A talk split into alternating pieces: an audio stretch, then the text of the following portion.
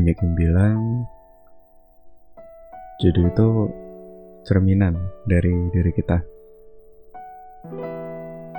Jadi nggak sedikit juga nih orang yang nyimpulin uh, ketika mereka nemuin satu atau beberapa hal dari pasangan mereka yang nggak sesuai dengan apa yang mereka mau tuh langsung aja gitu disimpulin ya berarti nggak ada kecocokan nih dalam hubungan yang sedang jalanin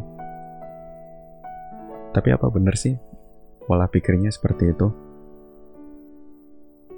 Terus ngapain? Mutusin untuk bersatu dan mulai sebuah komitmen untuk berhubungan. Kalau ternyata emang gak ada kecocokan nih dalam pasangan kita. Jadi buat kalian yang pernah pisah karena nggak ada kecocokan atau mungkin yang sampai sekarang juga belum nemuin pasangan nih karena ngerasa nggak ada yang cocok. Tenang aja, kalian nggak sendiri kok. Kita semua pernah dalam situasi seperti ini. Sebelumnya aku mau ngucapin makasih ya uh, atas respon kalian. Jadi udah ada cerita yang masuk lagi dari setelah cerita kemarin tuh. Dan alhamdulillah agak banyak dan udah aku mulai baca satu persatu juga.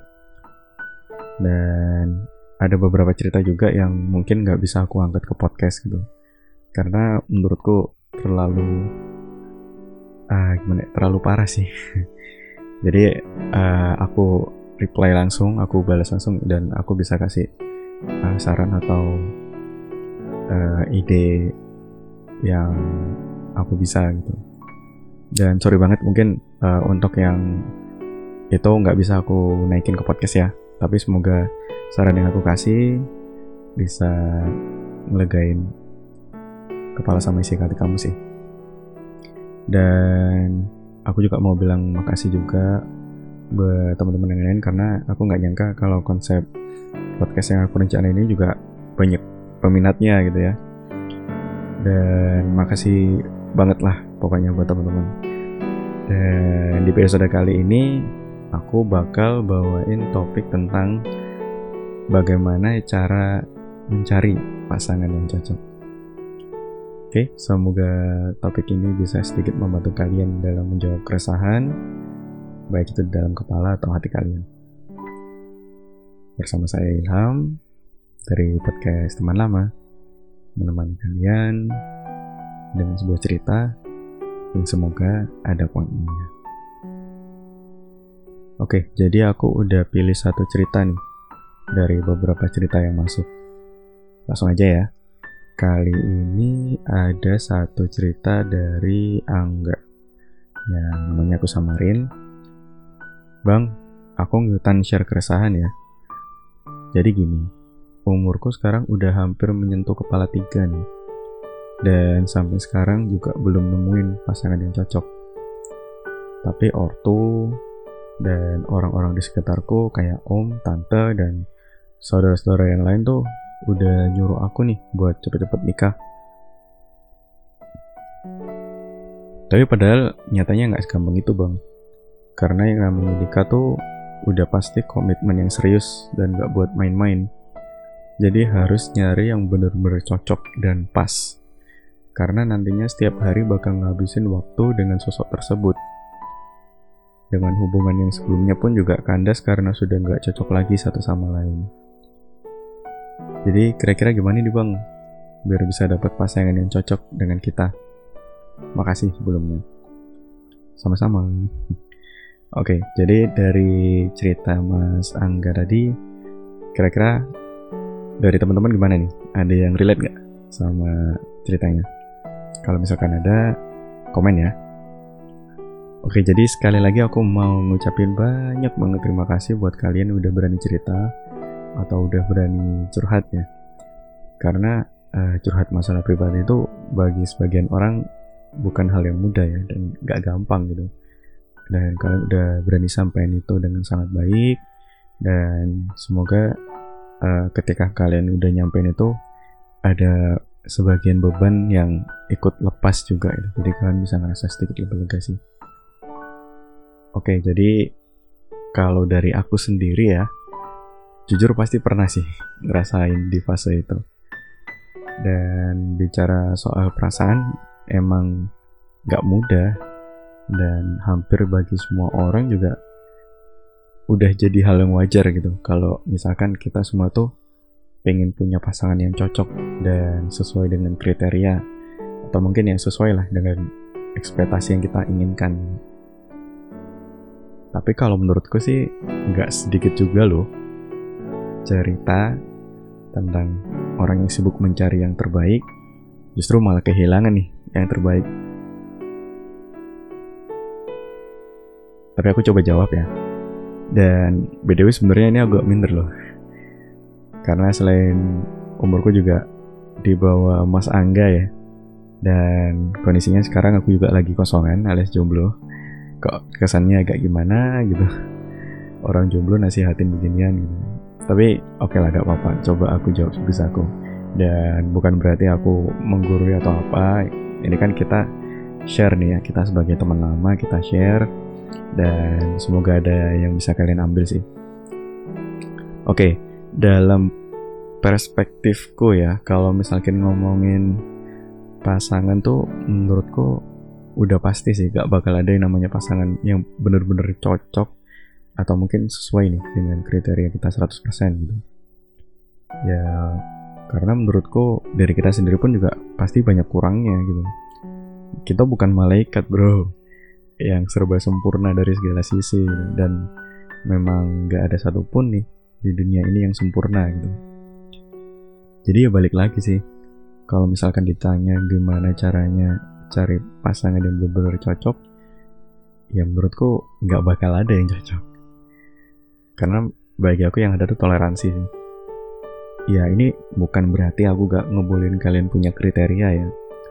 Dan gak munafik, pasti ada satu atau dua kriteria yang mungkin emang kita harusin nih ada banget dalam pasangan kita nantinya gitu. Tapi yang salah adalah kalau kita mengharuskan semua kriteria yang kita inginkan itu atau mungkin kriteria pasangan sempurna yang kita impikan tuh ada di dalam sosok pasangan kita nantinya gitu. Ya karena balik lagi, karena nggak ada yang sempurna di dunia ini Oke, katakanlah nih, misal kita punya kriteria 100% ya. Ya tinggal kita tentuin aja nih batas toleransinya itu sampai berapa gitu. Ini perumpamaan aja ya biar gampang ya. Katakanlah nih toleransi kriteria kita tuh 60% gitu. Ya oke okay lah, 40% kekurangan dari pasangan kita tuh atau mungkin 40% dari pasangan kita tuh yang nggak sesuai dengan kriteria atau ekspektasi kita tuh juga harus kita terima dengan lapang dada gitu. Ya emang harus belajar buat bisa nerima dan cintain kekurangan pasangan kita. Karena aku yakin sih pasangan kita pun juga ngelakuin hal yang serupa kok. Kenapa mereka milih kita pun dia juga pasti udah udah nurunin egonya gitu, udah nurunin uh, ekspektasinya, udah nentuin batas toleransinya itu sebab? Karena kita masih sesuai dengan batas toleransi tersebut, makanya dia mau terima kita. Dan pastinya dia pun juga udah berusaha untuk mencintai kekurangan kita sebagai pasangan gitu. Contoh kecil ada deh. Uh, ini contoh kecil ya, ya lo nggak ada pasangan yang benar-benar sempurna ya. Mungkin bisa kita coba sama lihat orang tua kita aja deh. Uh, orang tua kita udah berapa lama sih uh, hidup bersama, pasti pernah kan melihat mereka sesekali berselisih paham. Tapi toh buktinya mereka juga masih bersama kan sampai saat ini. Ya karena menurutku ya udah pasti mereka mencoba menerima tuh dan berusaha mencintai kekurangan pasangan mereka. Ya emang bener nikah itu komitmen yang serius dan harus dipikirkan secara matang gitu. Tapi Coba deh kalian tanya ke hati kalian. Kira-kira kekurangan pasangan kalian tuh uh, bisa kalian terima nggak sih? Ya, ya emang benar kata Mas Angga. Karena ketika kalian nikah kelak, uh, kekurangan tersebut tuh yang bakal sering banget kalian jumpain mulai dari bangun tidur sampai mau tidur lagi mulai dari pagi sampai malam yang bakal ditemuin itu juga. Dan bahkan ada beberapa kasus yang uh, kekurangannya itu justru bertambah semakin banyak gitu kan. Karena banyak perilaku yang terkuak gitu setelah hidup bersama. Tapi kalau ditanya lagi nih uh, kriteria itu penting nggak?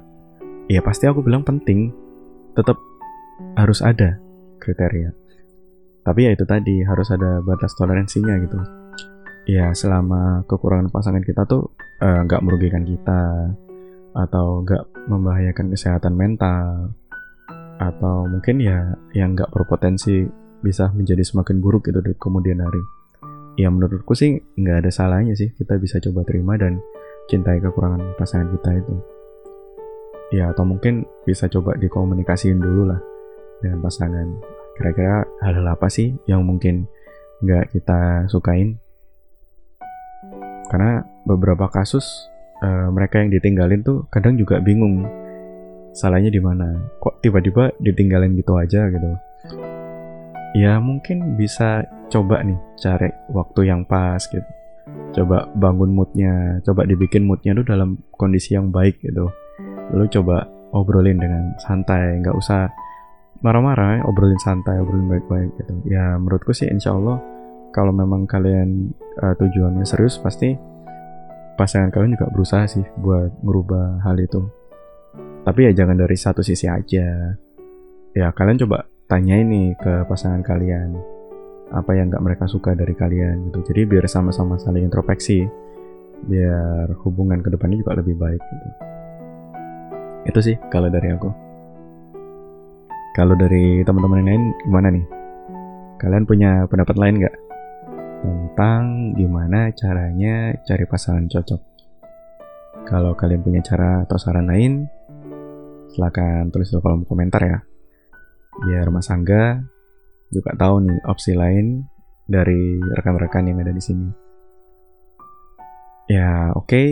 Semoga di episode kali ini ada hal positif nih yang bisa kalian ambil dan semoga juga bisa sedikit mengurangi keresahan kalian. Makasih udah mau dengerin, jangan lupa follow ya Instagram aku, Ilham SH. Jangan lupa juga follow uh, akun sosial media aku lainnya, biar kalian gak ketinggalan update nih kalau misalkan aku ada konten yang baru. So, sekali lagi aku mau ngingetin kalau kalian ada mau cerita, entah itu sedih, senang, percintaan, hidup, apa pun itu, feel free aja buat bagi cerita ke aku bisa lewat DM atau apa pun mungkin yang kalian udah punya kontak aku juga bisa karena bagiku uh, memendam sesuatu dalam waktu yang cukup lama tuh bukan hal yang baik gitu dan bisa berakibat buruk juga sih buat kesehatan. Oke, okay, aku Ilham dari podcast teman lama. Pamit undur diri. Sampai ketemu di episode selanjutnya. Stay happy, stay safe.